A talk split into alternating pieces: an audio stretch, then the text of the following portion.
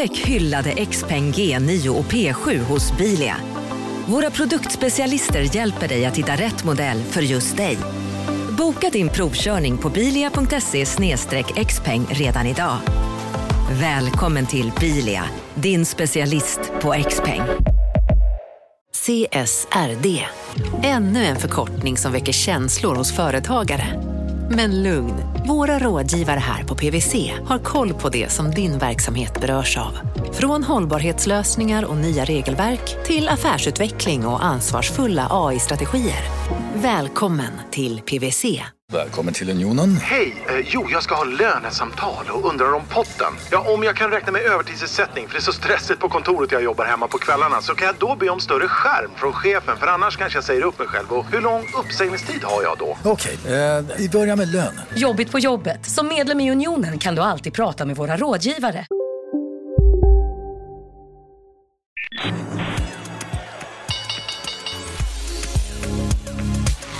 Här är Affärsvärlden Magasin med Helene Rådstein. Hej och hjärtligt välkomna till podden Affärsvärlden Magasin där vi varje vecka fördjupar oss i affärsvärldens journalistik. Idag ska vi prata med personerna bakom Link. Och Link är ett investmentbolag inom hälsovårdssektorn och det börsnoteras fredagen den 28 maj 2021 och vi spelar in på torsdagen före noteringen. Och Links strategi det är att investera och utveckla små och medelstora bolag inom medicinteknik och läkemedel. Två ben alltså. De här investeringarna de görs i både noterade och onoterade bolag. Av de noterade innehaven så finns det fyra som har vuxit sig lite större på senare år som blir långt, de är i alla fall nu långt större än vad Link kommer bli här vid eh, noteringstillfället. Och det är Sedana Medical som fokuserar på att söva patienter, alltså sedering är de verksamma inom. Och sen är det Calidita som fokuserar på njursjukdom och sen har vi Medcap som är ett investmentbolag eller en förvärvare. Och I studion så har vi Bengt Julander. Han är grundare och styrelseordförande i Link. Och han kallas ibland för hälsovårdsmiljardären eftersom han har gjort så lyckosamma investeringar i life science-industrin sedan eh, ja, början på 90-talet. Och sen så har vi eh, Carl Tobiasson och han är relativt ny vd för Link men han har hängt ihop länge med Julander och detta då eftersom han har varit mångårig vd för investmentbolaget Medcap som finns inom Link-sfären. Link äger ungefär 20 procent där. Och eh, en skillnad mellan Link och Medcap det är att Medcaps idé det bygger på att förvärva bolag till 100 procent. Eh, det skiljer sig från Link då, som investerar i bolag som minoritetsinvesterare och ofta genom att äga 10-30 procent men ibland upp till 50 procent. Och Medcap de vill hitta bolag inom life science som redan drivs på ett framgångsrikt sätt. Och bolagen de ska redan ha positiva kassaflöden men där man genom att skruva på olika saker och olika grepp kan accelerera utvecklingen och förstärka lönsamheten. Och Links strategi däremot, eh, om vi tar på läkemedelssidan, det bygger på att bolaget som man investerar i, att de befinner sig i tidigt utvecklingsskede. Och därefter så är tanken att Link ska lotsa bolagen genom olika utvecklingsstadier och ta det vidare till kommersialisering. Men en gemensam nämnare förstås är att Carl Tobiasen och Bengt Julander de har både lång erfarenhet av att investera i bolag inom life science. Och de två de har hängt ihop i de här rollerna sen i början på 2007. Ja, nu kickar vi igång avsnittet. Marknaden sponsras av SPP, pensionsbolaget. Eh, förra gången pratade vi lite om ITP. Och som en kort repetition så, så var det ju 70-tal, arbetsmarknadens parter bestämde att alla tjänstemän ska ha en tjänstepension. Man kom överens om vilka villkor som ska gälla i den här pensionen och så kallade man den för ITP. Så jobbar man idag som tjänsteman i ett företag med kollektivavtal, då har man förmodligen den här pensionen, ITP-pensionen. Eh, och det är ju så att man kan påverka eh, den här pensionen, hur den är placerad. Vart femte år så gör nämligen Collectum, som de heter, en enorm upphandling där olika pensionsbolag kan ansöka om att få förvalta eh, de här pensionerna. Och SPP är ett av bolagen som valdes ut i den senaste upphandlingen. Och sen kan du som pensionssparare välja eh, vilket av de här olika pensionsbolagen som, som då ska få ta hand om dina pengar. Och tanken med den här upphandlingen det är ju att liksom kvalitetssäkra de här olika alternativen eh, men också att förhandla fram stora rabatter så att pensionsspararna ska få, ja, kunna spara pengar genom att avgifterna eh, som är så viktiga eh, blir eh, lägre. Och vill man välja någonting i ITP-systemet då finns det en relativt ny sajt som heter avtalat.se. Ehm, där kan man gå in och se hur sin ITP-pension är placerad. Jag gjorde det häromdagen faktiskt. Ehm, idén är att hälften av pengarna alltid ligger i något som kallas för traditionell försäkring.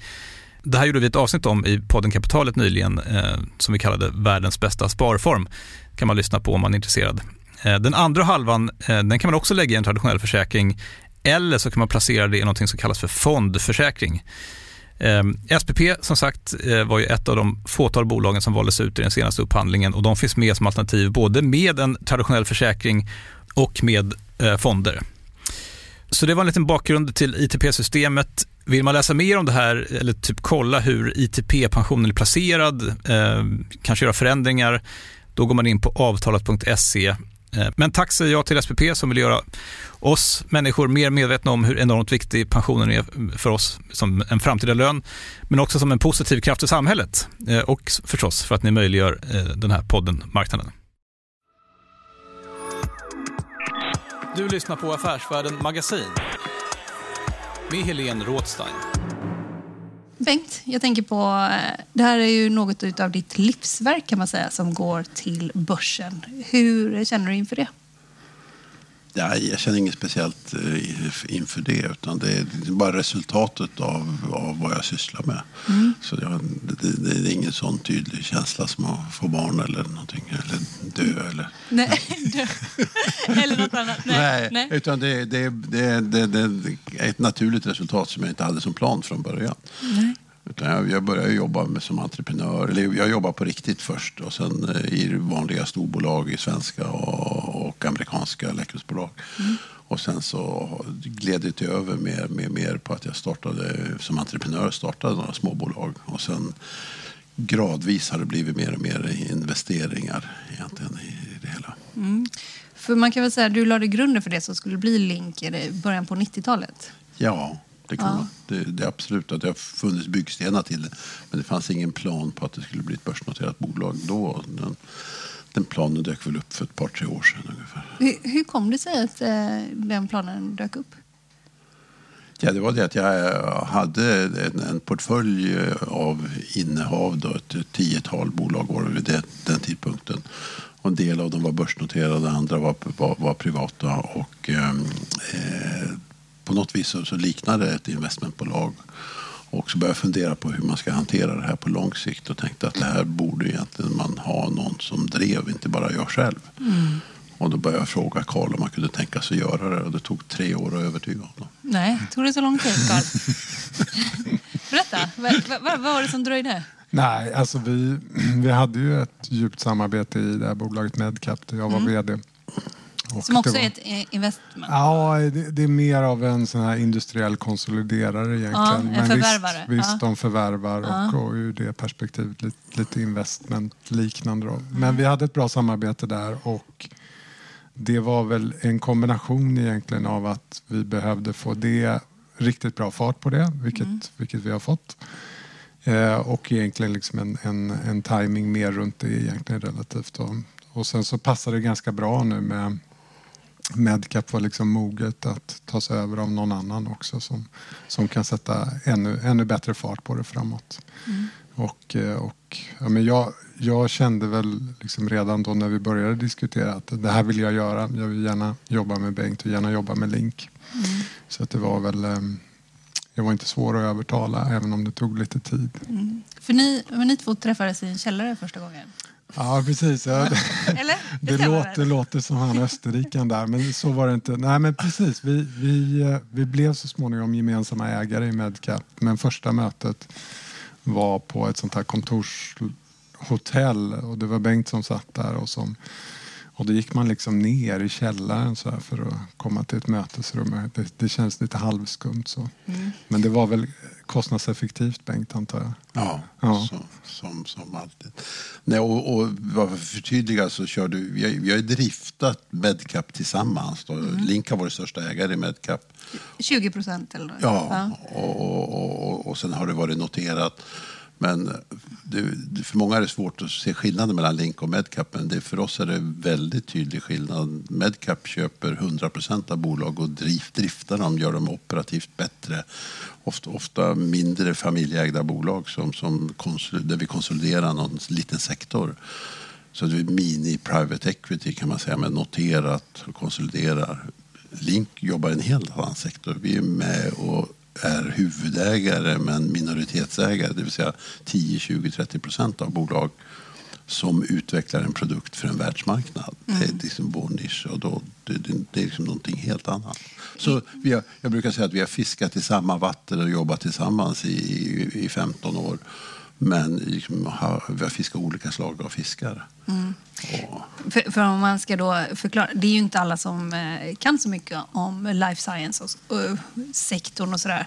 Och om man ska säga då som Link, som jag har förstått det, så man är inne, ni är inne väldigt, eller ni båda nu, mer än när du har slutat på Medcap, då är man inne långt tidigare eh, och Medcap kommer långt senare Ja, på det- läkemedelssidan.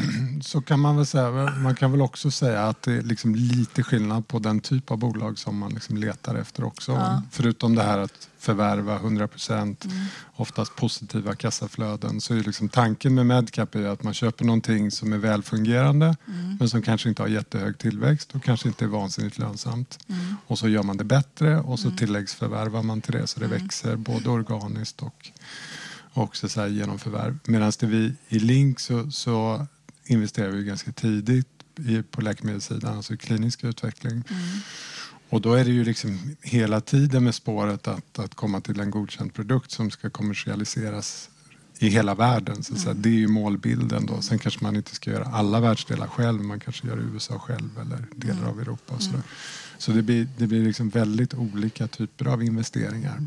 Sen är ju branschen på en väldigt övergripande nivå så fiskar vi som sagt i samma, samma vatten men, men som sagt väldigt olika fiskar. Då. Och värt att säga liksom i den här noteringen av Link och vad vi gör. Carl har då, i, i sitt arbete med Medcap då, så har han för Link som ägare har han skapat 20 gånger pengarna. Och, och eh, det, är liksom har, det, det är fantastiskt bra resultat. Och, och därför, ja, förutom det liksom personliga förtroendet och samarbetsklimatet oss emellan då, så har jag ju förväntningar att han ska sköta Link på samma sätt. Mm, 20 gånger pengarna, hur ska du göra?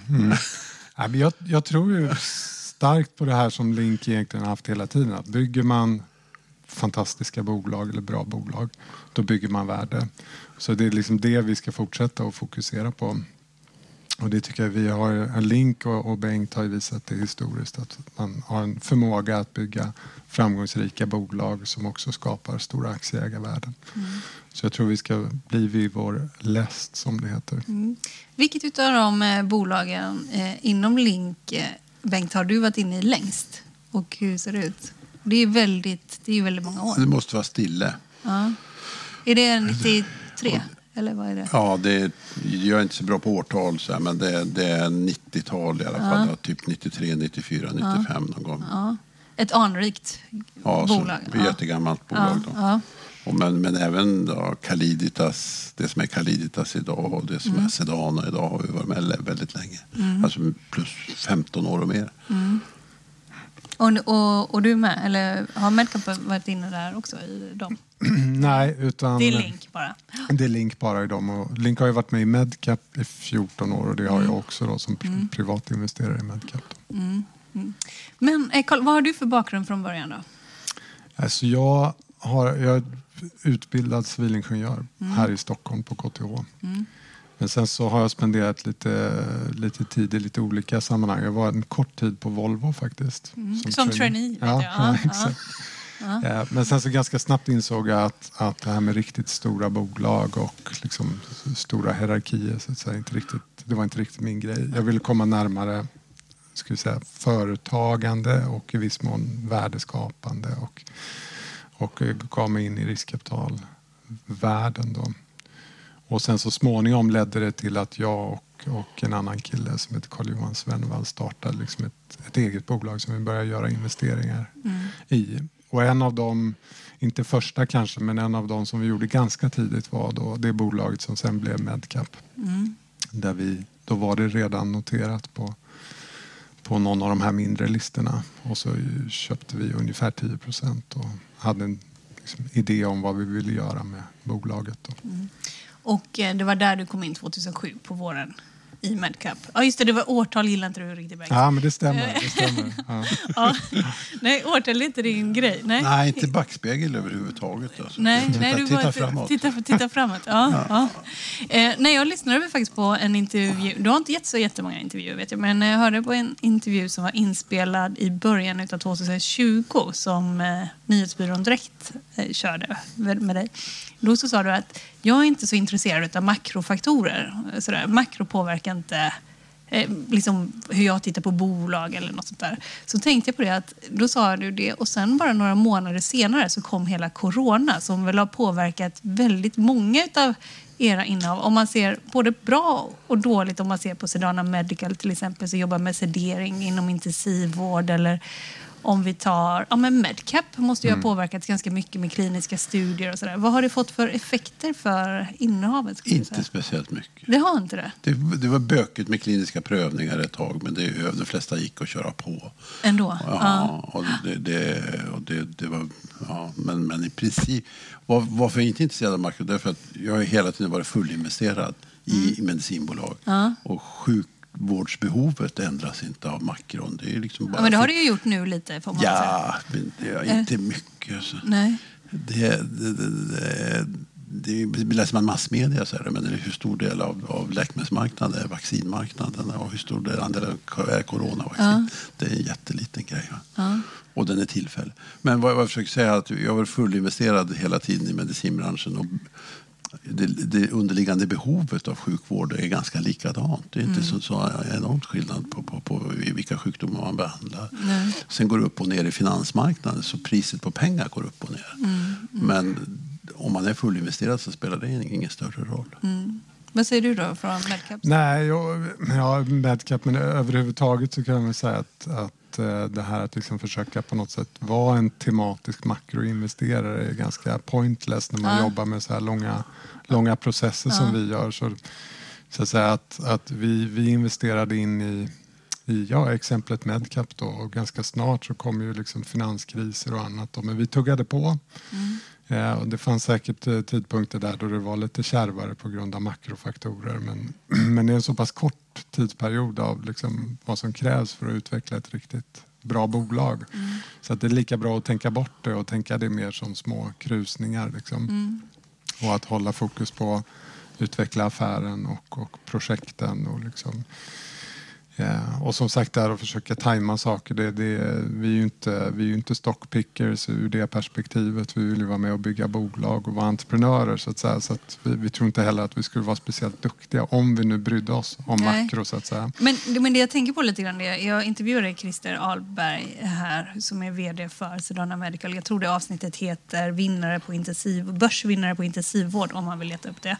Och eh, då så förstod jag det också som på honom att eh, att det har varit sån kris, det har också gynnat Sedana Medical för att man har kunnat, alltså det är, en, eh, det är både medicinteknikbolag och ett läkemedelsbolag. Det är inte en hybrid, det är både och kan man ju säga. Ja.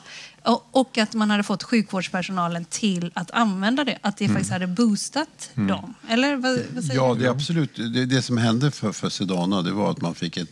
Man håller på att introducera en ny terapi, ett nytt sätt att sedera patienter som ligger länge i intensivvård. Och det är inte speciellt corona, utan det är patienter som ligger länge i intensivvård i respirator. De mår väldigt bra av att bli sederade på Sedanas sätt. Och sen, då, då var det, det blev lite mer tryck på den eh, behovet av sån sedering i, i samband med, med corona. Och det var många kliniker, det, tog- det, det tog till och med slut på andra sätt medel i vissa länder på att eh, söva dem på det traditionella sättet. Och då har det blivit eh, liksom, en del kliniker som kanske har tagit några år att starta lärde sig nu göra det på video och liksom startade lite snabbare.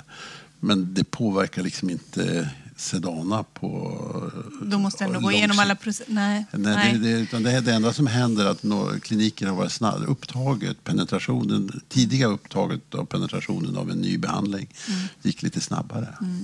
Hur viktigt är det annars att man får sjukvårdspersonalen med sig? För ni riktar ju in er eh, inte, inte mot den stora konsumentmarknaden. Alltså det är inte, ni är inte Nej. inne på eh, hu, huvudvärkstabletter och sådär, utan det är ju till Nej, sjukhusen. vi, vi kan precisera, det här, det här är en väldigt viktig faktor vad vi gör för någonting. Om man delar in läkemedelsmarknaden i tre huvudsektorer. Konsumentmarknad, det vill säga receptfria läkemedel, där är vi inte. Det, det, är- det, det är liksom konsumentbusiness och marknadsföring. Det är inte alltså Alvedon och sånt, det gör, gör inte vi. Receptförskrivningsmarknaden, som öppenvårdsläkare skriver ett recept och du går hem och får ta en tablett. Där är vi inte heller, för det, det krävs det oerhört stora säljkårer för att komma åt dem. Men så finns det en specialist, specialty pharma kallar vi det i branschen. Det vill säga läkemedel som används av sjukhusläkare, av specialister för att oftast rädda livet på, på en viss sjukdomskategori. Där betyder produktens egenskaper allt. Inte vilken säljstyrka man har och inte vilken, vilken, hur mycket man satsar på marknadsföring. Och då kan man som litet företag lättare greppa sig in i den marknaden. För det man, som Caliditas nu när man lanserar i USA, man behöver kanske 30-40 säljare. Så täcker man hela marknaden på på nisch, och, och eller nisch eh, eh, indikation. Då. Och delar man in Som har med läkemedelsmarknaden... njurarna att göra. Där. Ja, i det fallet är det njurläkare. Det är liksom, alla specialister i Europa får man in i en buss i den indikationen. nästan. Men man kan dela in läkemedelsmarknaden i ytterligare när vi tittar på nya produkter också för att ytterligare förtydliga vad vi gillar. Då är det ju, jag kan säga att vi, vi, vi gillar kända molekyler, kända targets. Det vill säga biologin är känd i kroppen så man vet hur sjukdomen, vad det är för sjukdom och vad det är för biologi i kroppen och, och hur man behandlar den. Och i bästa fall också att man har en känd molekyl. Som ta Sedana-fallet. Det är En, en, en, läkemedlet har använts i 30 år i operationsrummet. Vi har en metod bara att ta det till intensivvården. Då är riskerna med den att det ska vara nya biverkningar eller att det inte ska fungera. De är minimala. Så vi gillar specialty pharma och så gillar vi de-riskade. Och för att vara tydlig så kan man ju säga att vi gillar inte då typ Alzheimer där man, man vet inte vad sjukdomen beror på och man vet inte hur man ska behandla den och det är ingen molekyl som någonsin har fungerat på det. Då, då, det är för mycket risk för oss i de projekten. Mm. Mm. Om man tänker om man är så här actionfilm så kan det vara så här follow that car och då kan det vara lite follow that eh, molekyl. Ja. Ja. Nej men eh, och i Caliditas fall den, eh, den molekylen, vad heter den? Budesonid. Ja, precis. Den används, an- Det är alltså en, en, ett kortisonpreparat som används för, som antiinflammatoriskt medel i lungorna på astma och har använts på miljoner patienter i världen.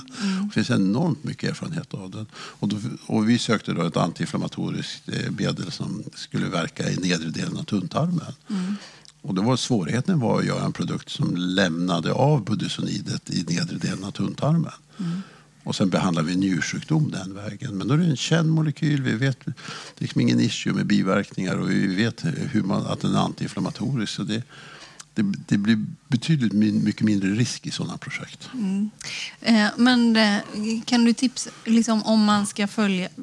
Har du någon annan molekyl? Alltså, kan du nämna fler molekyler som... Nej, det är case by case. Alltså, Ja, vad, vi, case vad, man vill, vad man vill åstadkomma. Ena för gången vill man, vill man söva patienten, andra gången vill man, vill man ha en antiinflammatorisk effekt. Men ofta så är det ju så att någon, någon antingen i kliniken eller akademin eller någon, någon, någon klurig eh, entreprenör kommer på ett nytt sätt att göra någonting. Och det är inte vi som kommer på vi, vi tänker inte ut eller letar efter dem, utan de kommer till oss när de har idéerna. Men det är ganska intressant, så man går inte på liksom, det som är sjukt utan man går på...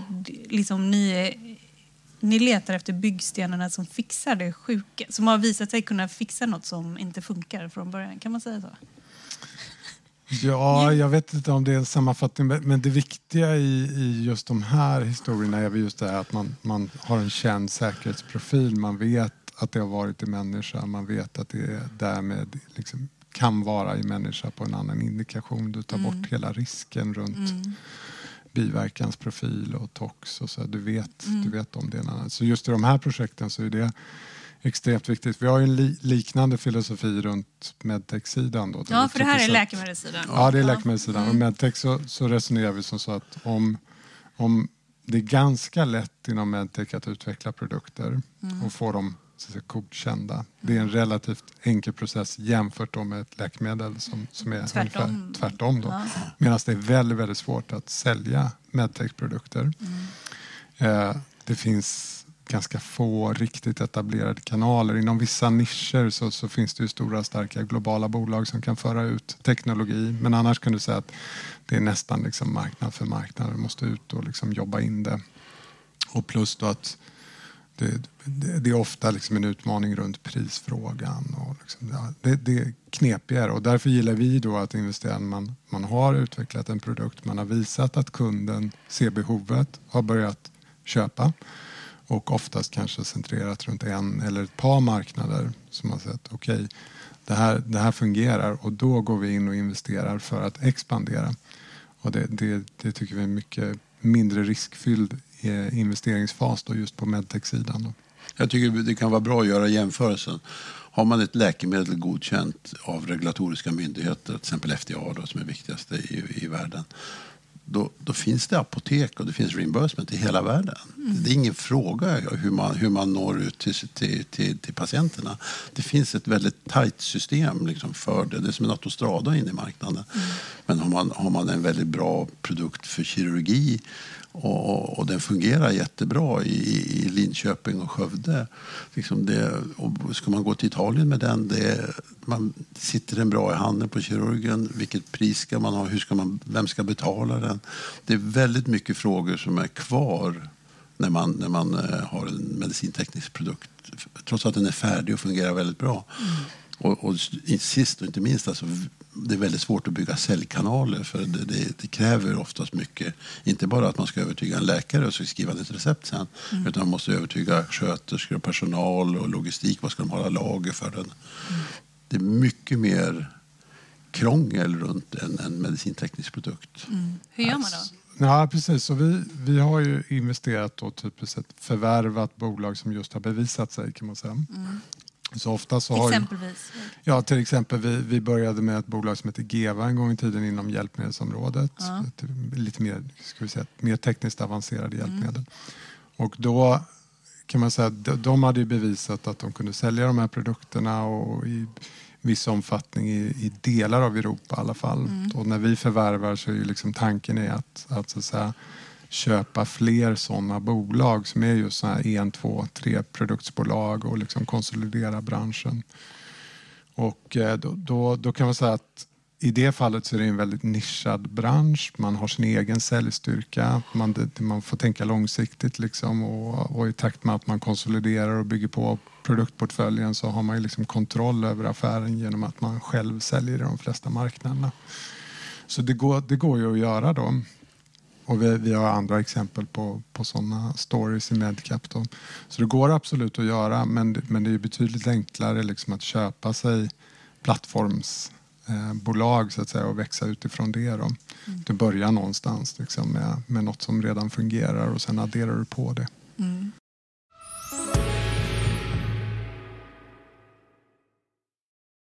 Eh, marknaden sponsras av Karla. Eh, vi pratar ju en hel del om bilar här på kontoret. Eh, karla har ju skapat, skulle jag säga, det som är standarden för hur man idag köper och säljer bilar på nätet. Kort bakgrund bara. Karla säljer och leasar begagnade elbilar och laddhybrider på karla.se. Alltså en helt digital upplevelse. Och man har gjort det här med ett nästan maniskt fokus på vad en bilköpare faktiskt behöver. Jag gjorde ju en intervju med en av grundarna, Patrik Illerstig, i marknaden här eh, ganska nyligen, eh, daterad 25 mars, om man vill lyssna på den. Eh, men där berättar han hur de kom in i det här lite från vänster för att försöka uppfinna hela den här liksom bilköpupplevelsen från början. Och de har idag, vilket är rätt otroligt, 4,8 i betyg eh, på Trustpilot. Jag, jag har sett många företagssidor på Trustpilot, men det här är nog bland eh, det bästa jag någonsin sett eh, faktiskt. Man kan sälja bilen till Karla också. Eh, då går man in på karla.se, delar lite info om bilen, sen får man en gratis värdering och ett bud. De hämtar bilen helt gratis i hela Sverige och så har man pengarna på kontot i samma stund som de hämtar bilen. Det är grymt. Eh, så ska du köpa en ny bil eller sälja din gamla, eller båda delar för den delen, gå in på karla.se och eh, kolla. Alltså karla.se och Karla stavas med C. Tack så mycket till Karla. Du lyssnar på Affärsvärlden Magasin med Helene Rådstein. Är det inte så, för nu frågar jag dig om Medcap, men Mm. du är ju inte där längre. Du är ju Nej. faktiskt vd för Link. Exakt. Är det Mm. samma strategi som gäller där framåt eller har du, finns det, har du reviderat någonting där vad du ska... Här på, på Link tänker Ja. du? Nej men alltså vi, vi har ju, Link och Bengt har ju liksom haft en strategi som har visat sig vara framgångsrik. Mm. Och vi tror att det är, vi har en, en modell för vilka typer av bolag vi ska engagera oss i, hur vi engagerar oss i dem, hur vi använder de resurser som finns runt omkring Link i form av nätverk och, och kompetenser. Så vi ska absolut fortsätta att göra det vi har varit duktiga på. Ehm, så ingen, ingen plan på att ändra på det. Då. Du lyssnar på podden Affärsvärlden Magasin. Men vi har också en syskonpodd här på Affärsvärlden. Eller hur Peter? Ja, det stämmer. Eh, förutom Helens eminenta podd som ni lyssnar på så finns det också en podd som heter Affärsvärlden Analys, eller AFV Analys. Och där går vi varannan vecka igenom några av de hundratals aktieanalyser som Affärsvärlden publicerar varje år. Eh, så det här är en podd för dig som tycker det är superkul med aktier och vill hitta lönsamma aktieaffärer och undvika dåliga aktieaffärer också kanske. Det är ju väldigt bra vägledning kan man säga. Så ratta in Affärsvärlden Analys i din poddspelare. Det är jättekul. Så kolla in den.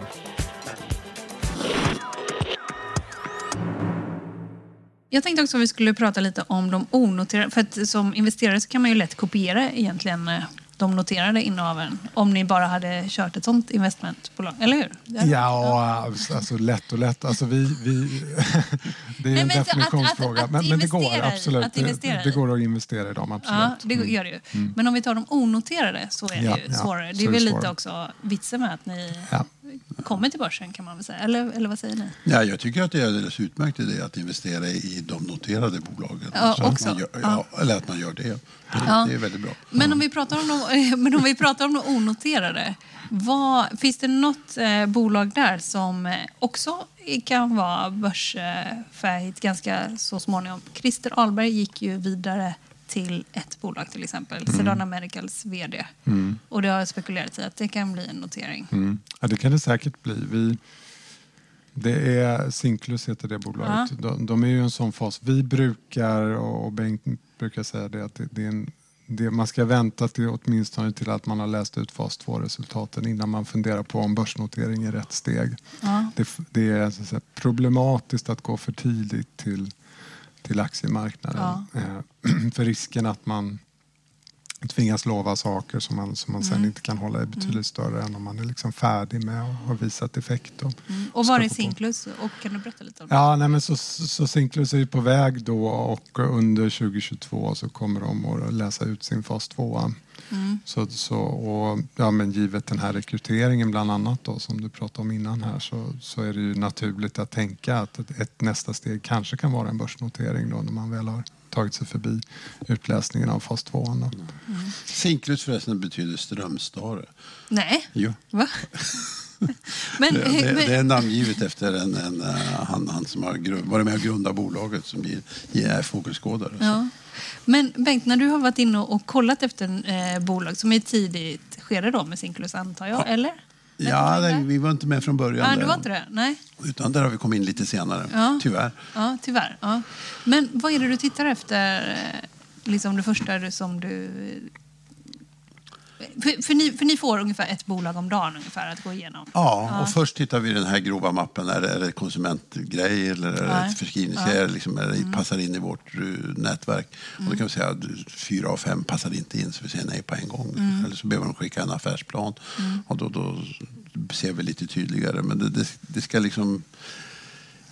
Det först ska det passa in och sen tittar vi djupare in på det. Om, vi brukar kalla det hittar man några vårtor. Liksom, hur fungerar management? Vad är det för andra ägare? Vad är affärsidén? Hur ser marknaden ut i USA? För det är det viktigaste nästan för den, den här typen av produkter när den blir färdig. tycker vi fortfarande att vi, när vi tittar på det internt och eh, egentligen bara under ett antal timmar om man googlar lite grann kring det. Sen, sen går det oftast, eller nästan alltid ut i vårt nätverk. Vi känner folk som kan mer om det här och vi känner folk som kan ha referenser på management.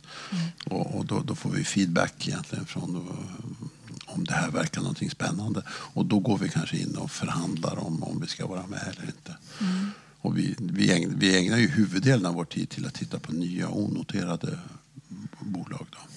Och vi, vi lämnade eh, zinkluster. men det är liksom ett typexempel på som det kan vara också. Det, det är en produkt som har, har Astra utvecklat som ett, jag ska säga ett nytt bättre Losec. Eh, men det föll på att man måste ta flera tabletter om dagen. Man vill ha, för att kunna sälja det, det är bökigt om man ska ta två eller tre tabletter om dagen. Men då var det management i Astra som, som tänkte tanken att om vi sätter på en liten svans på den här molekylen så kanske den håller i 24 timmar. Och det gjorde man. Och det, det, man köpte ut det från Astra och satte på den här svansen som i och för sig är en ofarlig molekyl. Och då håller det 24 timmar. Så, så, vi vet att den grundmolekylen som har effekt den har varit inne i flera tusen människor och har effekt. Så det är också ett de-riskat projekt på det viset. Mm. Och, och, var befinner vi oss nu? Fas 2 håller på att avslutas? De, när de går in i fas 2, de startar ja. fas 2 nu, men den är ganska trygg den, den studien tycker jag. Man har visat förut att molekylen utan svans fungerar. Mm. Och nu har man bara svansen och den, den klyvs av i kroppen. Mm. Det, det, ser visuellt ut som en svans, eller, eller hur? Ja, eller, ja. ja du tänker på kemin då? Liksom. Ja, ja, ja, ja, det är en svans ja, molekyl. Ja, ja.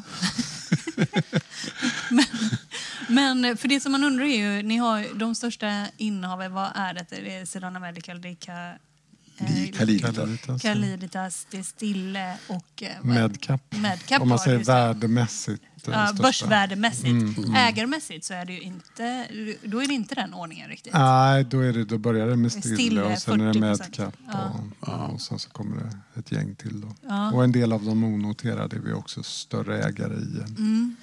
För, eh, för det jag tänker är ju också eh, liksom vilka utav de onoterade innehaven har potential att bli då Stille eller Sedana Medical? Eller så. Kan ni nämna några där?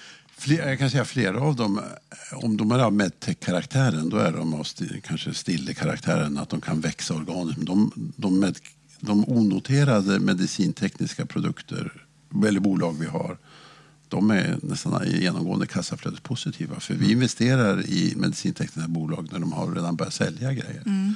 Men, och de är kanske inte riktigt börsfähiga liksom inom, inom kort sikt. De är, men däremot de, de läkemedelsprojekten är nästan alltid av den karaktären att de, de, de behöver gå igenom till fas 2 och visa att de fungerar. Och sen kostar den, den typen av produkter vi håller på med kostar en, en fas 3-studie mellan 500 och, och miljoner och en, en miljard. Mm. Och då är det lämpligt att börsnotera dem. Liksom. Mm. Och då, då, vet man att de fungerade i fas 2 i alla fall och mm. inte så farliga. Mm. När Link noteras nu så eh, blir du Bengt, du, blir, eh, du är kvar med två tredjedelar. Och sen så kommer, tillkommer en tredjedel. Det är inte så att du... Eller så kan man väl säga. Ja. Mm. Ja. Var, varför har du valt att göra det upplägget? Alltså det ingick i dealen. Eller ni. Ja. Det, det, precis, det ingick i dealen för, för, för, att jag skulle kunna attrahera Karl till jobbet. Då. Att vi skulle, jag har ju varit fullinvesterad hela tiden och vi har mass, gjort, missat massa affärer för, på grund av att vi inte haft några pengar i kassan. Mm. Så det, är liksom lättare att få dit bra management om man har kapital att göra affärer med. Mm. Så att det, det, hänger samman med det egentligen. Att uh, kunna göra mer affärer av den. Vi har lärt oss så mycket hur, hur, vilken typ av affärer som är bra. Och nu kan vi göra mer av dem tack vare pengarna och att vi har bättre management i bolaget. Mm. Eh, vad är det första då, om jag frågar dig Carl och kanske också Bengt. Vad är det första ni ska göra med pengarna? Alltså, finns det något som är så här, ja, men när vi får in de här pengarna, jag förstår att det ska vara brett och ni kan inte mm. kanske peka ut något bord, men finns Nej. det något som är liksom eh... Ja, men vi, vi har fått frågan några gånger. Så ja, under vad ska ni göra med pengarna? Ja, vad ska ni göra med pengarna? Men ja. det, vi, det vi försöker svara ungefär så här att, att vi, vi lägger ju lejonparten av vår tid när vi tittar på nya bolag i den onoterade miljön. Mm. Och vi har som sagt i storleksordningen en, kanske drygt en skulle jag säga per dag som liksom dyker upp. Då. Så ett par, par 300 per år möjligheter och vi försöker hålla ungefär 10, 20, kanske upp till 30 sådana här pågående dialoger hela tiden. Då. Sen kan det ju vara slutfasen extremt intensivt och sen så ja, att man tar pauser av olika skäl. Liksom. Så att, eh, men jag skulle säga 10-20 stycken håller vi igång hela tiden så vi har ganska mycket som vi skulle kunna göra här de kommande månaderna och åren. Då. Ja. Men vi kommer inte peka ut specifikt inte. det här bolaget. Liksom. Det vore inte så bra för förhandlingssituationen heller. Med andra bolag sen? Precis, ja. så kan det också vara. Men jag tänker också att om vi säger att det bolaget vi helst vill investera i imorgon och så sitter de och lyssnar på det här så kommer de säga att då åker värderingen upp. Liksom. Ja. Nej, men det finns mycket intressant att göra och, och som sagt det är en, en stor förändring som har varit under de här åren som, som delvis jag har hållit på med, Bengt har ju ännu längre erfarenhet. Det är just det här att vi har ett otroligt aktivt och levande ska vi säga, entreprenörs nätverk inom life science-industrin idag som överhuvudtaget inte fanns då för 30 år sedan ish. Och det är, ju, det är ju en jättestor förändring och det har ju snarare accelererat här under de senaste kanske 15-10 åren. Och, och, och, det hänger ihop med delvis då att, att naturligtvis kapitalmarknaden har varit ganska stark så att du har kunnat få finansiering till dina projekt om du är entreprenör så att säga. Eh, men också då att flera entreprenörer har liksom gjort en resa och så kanske de passar på att, att liksom lämna det, det är noterat och ja, gud vet vad, det har kommit andra ledningar och så. Och så startar man sitt nästa och sitt, sitt nästa. Så att flera av de här i vårt nätverk är ju liksom grundare eller delgrundare av kanske 5-10 projekt. Och så såg det inte alls ut för, förr i tiden. Så att säga. Nej, för, för, för 20 år sedan kan man säga då jobbade folk i Astra Pharmacia eller Kabe eller vad det hette. För någonting. Och det var stora koncerner där man i princip höll på med allting från kemi till, till, till marknadsföring. Men de människor som jobbade där var ofta specialister. Man kunde toxikologi eller klinisk prövning fas 2 eller någonting. Men det som har hänt under de sista 20 åren det är att det har startats och varit lyckosamt massor av bolag i den här branschen. Så det finns folk både för styrelser och som, som, som management som har erfarenhet av att driva hela projekt, inte bara vara en kugge i ett maskineri. Och det är i kölvattnet av till exempel farmaci, att det blir amerikanskt? Eller vad, hur kommer det sig? Ja, just det, man, till ja, kölvattnet är att man har vi har en del som är ledsna över att vi inte har de här huvudkontoren för jättekoncerner i Sverige. Det är inte du? Nej, jag, jag skulle säga för Sveriges räkning så kanske det passar bättre att vi har 50 bolag som driver, driver i, i småskala driver, driver utveckling. Jag tror det pågår mer klinisk prövning i världen i, med svensk regi nu än någonsin. Mm.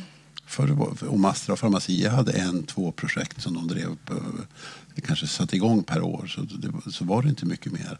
Men det, det, om man säger det, det blommar mycket fler blommor på, på ängarna nu i, i den här branschen. Jag vet den här branschen man pratar mycket om att man vill ha smarta pengar. Man vill ha någon som kan, eh, som förstår bolaget och så. Man vill inte ha in... Hur, hur ser det ut liksom? Eh, ni, man får väl säga, ni tillhör väl skara med smarta pengar? Eller, säger vi det? Vågar vi ska sticka ut Vad säger ni själva? Eller? Nej, men man vill ha in folk som förstår, engagerade ja. ägare helt enkelt. Ja. Ja. Nej, men jag, jag tror att vi, vi, det är viktigt också någonstans att vi använder ju det här nätverket både för att utvärdera liksom, investeringar och så, men sen också när, ett, när vi väljer att investera i ett bolag så ser vi till att det bolaget får tillgång till nätverket och gärna liksom tillgång till de konsulter som vi har erfarenhet av eller styrelsemedlemmar eller till och med i vissa fall ledningar då, som vi pratade om tidigare. Så det är ju ett perspektiv. Sen tror ju vi väldigt mycket på det här att man som investerare här så och så specifikt då om man är som Link, det vill säga har ett väldigt långsiktigt perspektiv på sina investeringar så det är också vårt uppdrag att hålla ögonen på den långsiktiga utvecklingen även när man är i en tidig fas. Och det har ju visat sig genom åren och det kan ju Bengt beskriva bättre att det är extremt viktigt att ha den typen av kompetens med även tidigt så att man inte går snett i, i de tidiga eh, kliniska studierna som sen senare leder till att man får problem att kommersialisera eller Mm. liksom utmaningar. Ja, i- en inte ovanlig situation när vi träffar en, en, en, ett projekt för första gången det är att de, det är professorer och entreprenörer som säger att vi ska bara göra den här studien och sen ska vi, kommer Big Pharma att älska oss och kommer de att köpa det här bolaget.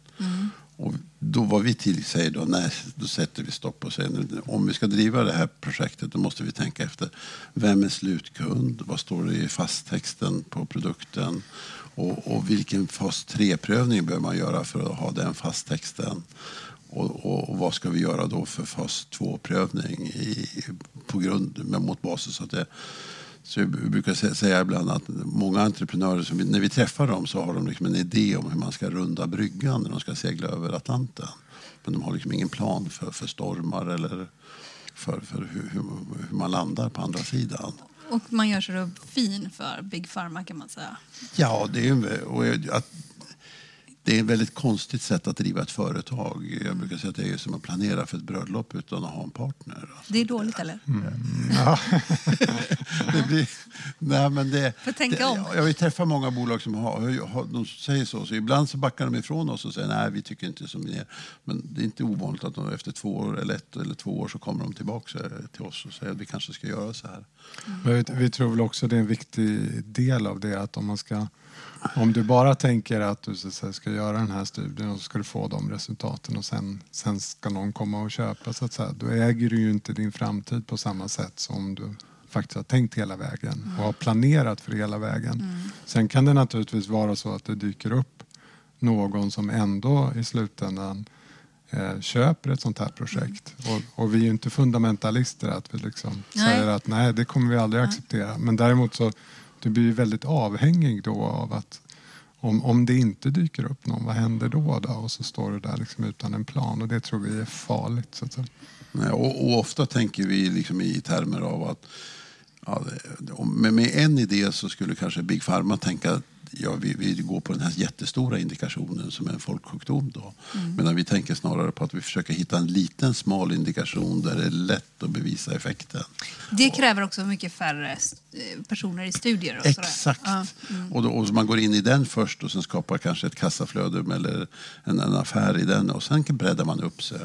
Medan, medan man, om man, det är lätt att tänka att det här, vi, prov, vi, vi, vi tar några patienter och provar på den här stora indikationen istället.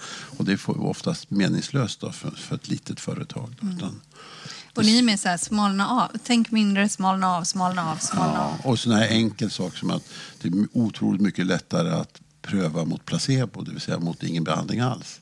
Och, och få, få effekt bevisat. Och det, det kan man bara göra på sjukdomar som inte har någon behandling.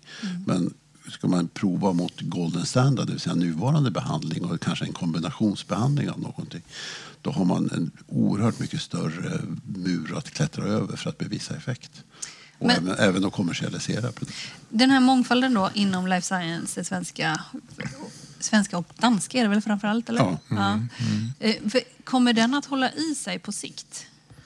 Ja, vi, vi tror ju det. Vi, vi, vi tror ju dels så är det så... Vi, i och med att vi investerar i bolag som liksom har globala ambitioner. Produktbolag som ska liksom sälja sina produkter förhoppningsvis i hela världen. Och just USA är en extremt viktig marknad och så. Så måste man ju tänka lite grann, okej hur står sig Norden jämfört med andra geografier? Vi är inte makroinvesterare men det är ändå här vi gräver så att säga. Och vi tycker Norden kommer ut väldigt väl då.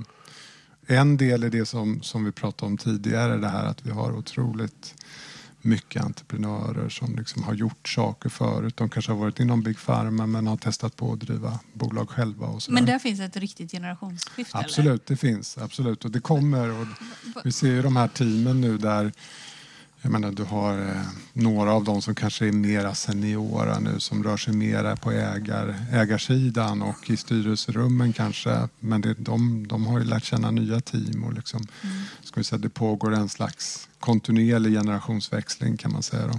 Så det är en del. Sen tycker vi liksom att det, här, det finns ju det här lärarundantaget som vi har i Sverige, det vill säga att du kan forska och sen s- söka patent och liksom bygga bolag. Det är också en sån där faktor som vi tror är viktig, som finns.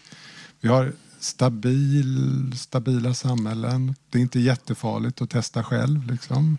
Vi har sociala skyddsnät som gör att du vågar ta, ta risker så att säga ur det perspektivet. Och vi har en hyggligt väl fungerande corporate governance, det vill säga att det, vi, vet spelreglerna och, och, generellt sett så är folk i, i Norden och, och, och, Sverige specifikt kanske ganska reko, ska jag säga, och ärliga och liksom har ett gott uppsåt. Så, att säga. så jag tycker det finns all anledning att tro att det här och tittar vi på någon sån här långsiktig trend och skulle säga hur många grundade bolag eller något sånt där så, så skulle du nog se att över de här 10-20 åren så ökar den där stapeln hela tiden. Och, mm. och, speciellt nu är det ju så här, så här mycket liv som det är i branschen nu har det väl i princip inte nej, varit nej, tror jag. Det är 10, 10 eller 50 gånger mer än för, för, för 20 år sedan. Som också lyckas? Nå, det, ja, det är fler som lyckas, men det törs jag inte säga. Men, men liksom livet, att det är liksom mängden idéer och bolag som startas och drivs och finansieras. Det... Sen, sen du började då för är det 30 år sedan, faktiskt, ganska exakt. Ja, ja. Vi struntar i det årtalet. men, men för 30 år sedan, men, ja, 91 har jag, har jag som... Eh, ja, ja, jag slut, slutade jobba, ja. var anställd och ja. började driva eget. Ja, för du var på Astra först och sen så... Astra och, där, och, och, Leo, och, och, och Baxter, ett amerikanskt företag. Ja. Och sen så började du driva eget. Ja. Efter Baxter. Ja. Eh, var eh, liksom de, lejonparten av din eh, grundplåt att investera i, var kom den ifrån? Oh, ska vi säga, stor, största enskilda händelsen det är nog att vi hade en produktportfölj i, i, i det som nu är Caliditas. Som vi valde mellan att driva produktutveckling eller ha, eh, driva vår produktportfölj vidare. Då sålde vi vår produktportfölj till Meda. Oh. Som har följt dig? Nej, sen, sen tog vi betalt delvis i aktier av Anders Lönner och, och Meda utvecklades väldigt väl. Mm. Och då, då blev det en, liksom en stor plåt pengar över. Ja, okej. Okay. Nej, men jag menar, för Meda, ni har också... Meda har kommit tillbaka också i Links Ja, vi, vi, vi, vi, var med och köpte ut det från Pharmacia börsnoterade men då var det ja. ett rent handelsföretag ja. utan några egna produkter. Mm. Mm. Och sen så fort vi, vi sålde av det helt och hållet eh, och det levde sitt liv vidare på börsen. Mm. Men sen kom vi, det blev en nystart på Medan när Anders Lönner kom in och började förvärva produkträttigheter. Mm. Och då, då var vi en av de första att sälja produkträttigheter till honom och då var Meda värt måttligt mycket. Mm. Det liksom gick från 100, ja. Under Anders Lönners tid så gick det från market cap på 100 miljoner till 50 miljarder. Mm. Mm. Ja, och sen så, och sen så kom vet du, Mile. Och, Mile så, små, ja, så småningom, ja. 2016 eller så. Ja. Sånt där. Ja, och jag köpte. Eh, men, eh, men nu, jag tänkte lite på din bakgrund här från Medcap. Eh, mm. Som mm. jag fattar det så eh, har medicinteknikdelen den har gått ganska bra, men läkemedelsdelen har gått mm. lite... Det har inte riktigt kommit loss ännu, eller lossnat. Hur kommer det sig? Och om du nu har till uppgift att... Eh, hur, hur mycket pengar är det som ska dubblas? nej, nej, men, nej, men 20 gånger pengarna här ja, i Link. Hur, hur, ja, 20 dubbla mm, pengarna. Hur ska du göra liksom, på läkemedelssidan då?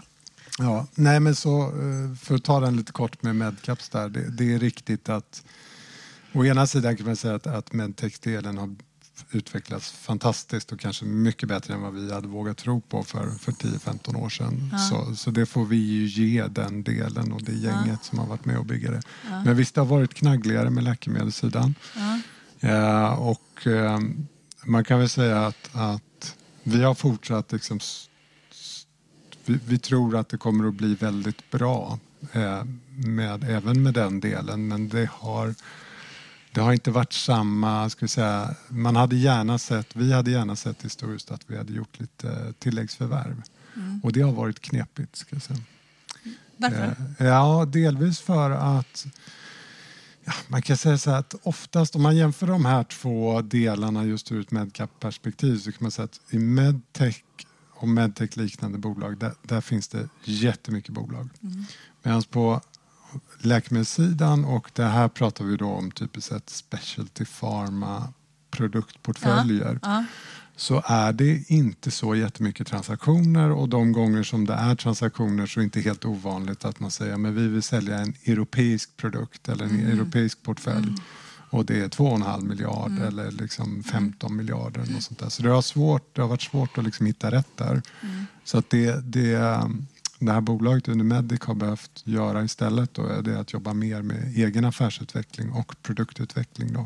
Och sånt tar ju lite längre tid. Mm. Har du lärt dig någonting av det nu när du går vidare till Link? Eh, ja, alltså vi, vi har lärt oss otroligt mycket naturligtvis på eh, ja, egentligen i båda de två benen där, medtech och, och läkemedelsbenet. Och, och man kan väl säga att eh, just på läkemedelssidan så eh, menar, om någonting så ska man ju man, man ska se till, alltså det handlar väldigt mycket om att hitta rätt team för ett sånt bolag. Ehm, och där har vi inte lyckats hundraprocentigt alla år. Jag tänker på team, för du kommer ju från liksom Link-sfären Mm. och sen så pratar vi här om Christer Ahlberg Mm, som mm. går vidare till ett annat. Finns det liksom eh, Link-management? Finns det några fler sådär exempel? På Ja, men det, absolut. Alltså man kan säga generellt sett så är det ju inte ovanligt att i de investeringar vi gör att det finns definitivt kopplingar. Mm. Både, eller oftast då till så grundare och, och eh, liksom styrelseledamöter och motsvarande Mm. som vi har Mm. jobbat med tidigare. Och, så där. och sen är det klart att ehm, det finns en del personer, vi har flera exempel då på personer som har varit inom inom eh, Medcap-sfären och sen att vi hade tidigare en vd på Stille som kom från Medcap och sen så Mm. hade vi då den här eh, Christer då som sagt och, och vi har ju också kan man säga exemplet nu då med killen som tog över Medcap efter mig kommer på sätt och vis vara med liksom, i Links nätverk för 10-15 år sedan då han var bland annat i styrelsen för Stille. Mm. Och vi lärde känna honom där och sen har han jobbat med ett dotterbolag i Medcap. Då. Mm. Så absolut finns det, det sådana här. eh, Ja, ja, ja. absolut. Ja.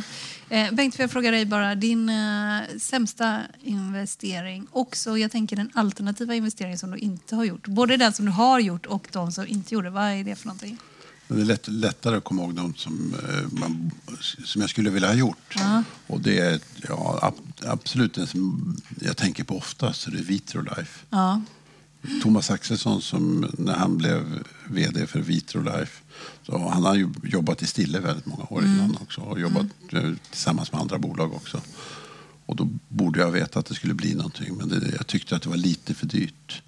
Ja. Och sen har det varit lite för dyrt hela tiden men det har liksom blivit, ja det är ungefär som Medcap, det är väl 20 eller 50 gånger pengarna. Ja. Men, men eh, och det, det, det, det, det tycker jag att jag har missat att vara med på. Det, och det borde ha fattat. Ja, det borde.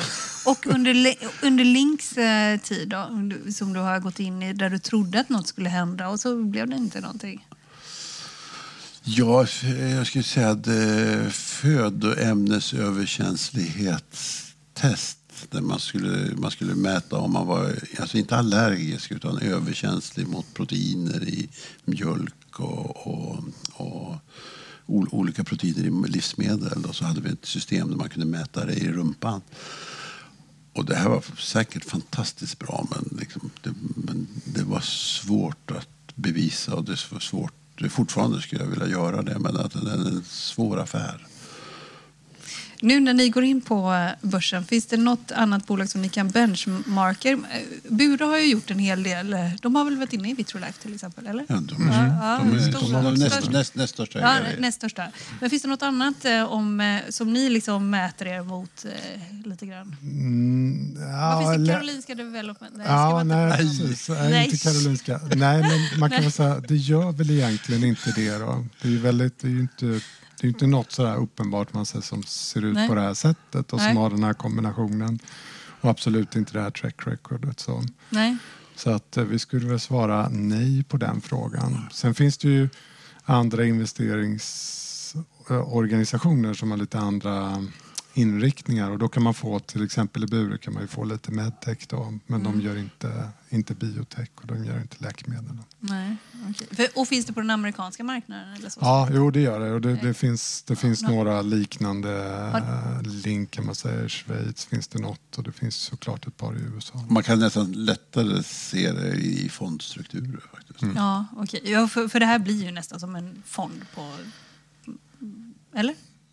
Ja, alltså vi, vi, när du säger fond då, då tänker vi genast liksom aktiefond och så Ja, tänker vi att ja. vi är förvaltare av aktier och det är vi ju inte då, Nej, utan nej. vi är liksom byggare av bolag. Ja, och vi, vi det. tycker det är en viss skillnad där. Ja, det är det ju. vi- Ja, men det är det ju verkligen. Ja, ja, och det är mer bra liksom... håller med eh, om det. Ja, jo, nej, Nej, men det, är det är i alla fall två olika perspektiv. Ja, Men det är, det är- det är åt venture capital-hållet där vi ju lite grann på Mm. det som vi jobbar med. Venture capital jobbar ju i en annan finansiell omvärld då, med, med, med, med managementbolag och incitamentstrukturer som, som Mm. gör någonting helt annat än att bygga aktievärlden. Men jag tänker ni två till exempel och eh, ja, men för, för, faktiskt framförallt du eh, Bengt får man väl säga, även om du också, men du har varit med ungefär hälften så länge Mm, i, i den här industrin som du. Eh, du känns ju väldigt central för Link som person, att man också investerar i det som till exempel du och också du Carl, men liksom tror på. Kommer du vara kvar jättelänge? I, Ja, tills Karl eller mina barn säger att jag är senil. Då, då, så att jag inte... Jag testar en sudoku på söndagar ibland. Ja. Och om, om det fungerar så är jag kvar. Alltså. Men det, det, det, är ju, inte- det kommer ju naturligtvis vara en tid när jag inte är där. Men om man är orolig för det då kan man gå in i bolagen istället. Köpa Sedana eller Caliditas eller Medcap. Ja, ja, Där, just där det. behövs jag inte. Nej, det behövs inte. Ja. Okej, jag säger tack till er Bengt Jolander och Mm. Carl Tobiasson för att ni kom och var med i podden Affärsvärlden Magasin. Och imorgon så blir det notering. Mm. Det är kul. Spännande. Klockan nio. Klockan nio, ja. Ja. Ja, vi får se hur det går. Tack för att vi fick Tack. komma. Tack. Tack, tack. Du har lyssnat på podden Affärsvärlden Magasin med mig, Helene Rothstein, som idag har träffat företrädare för det börsaktuella investmentbolaget Link som är verksamma inom hälsovårdssektorn. Och eh, den här podden den är tillbaka om en vecka. Och mer information och också en aktieanalys utav Link det finns på affärsvärlden.se. Vi hörs om en vecka. Håll ut!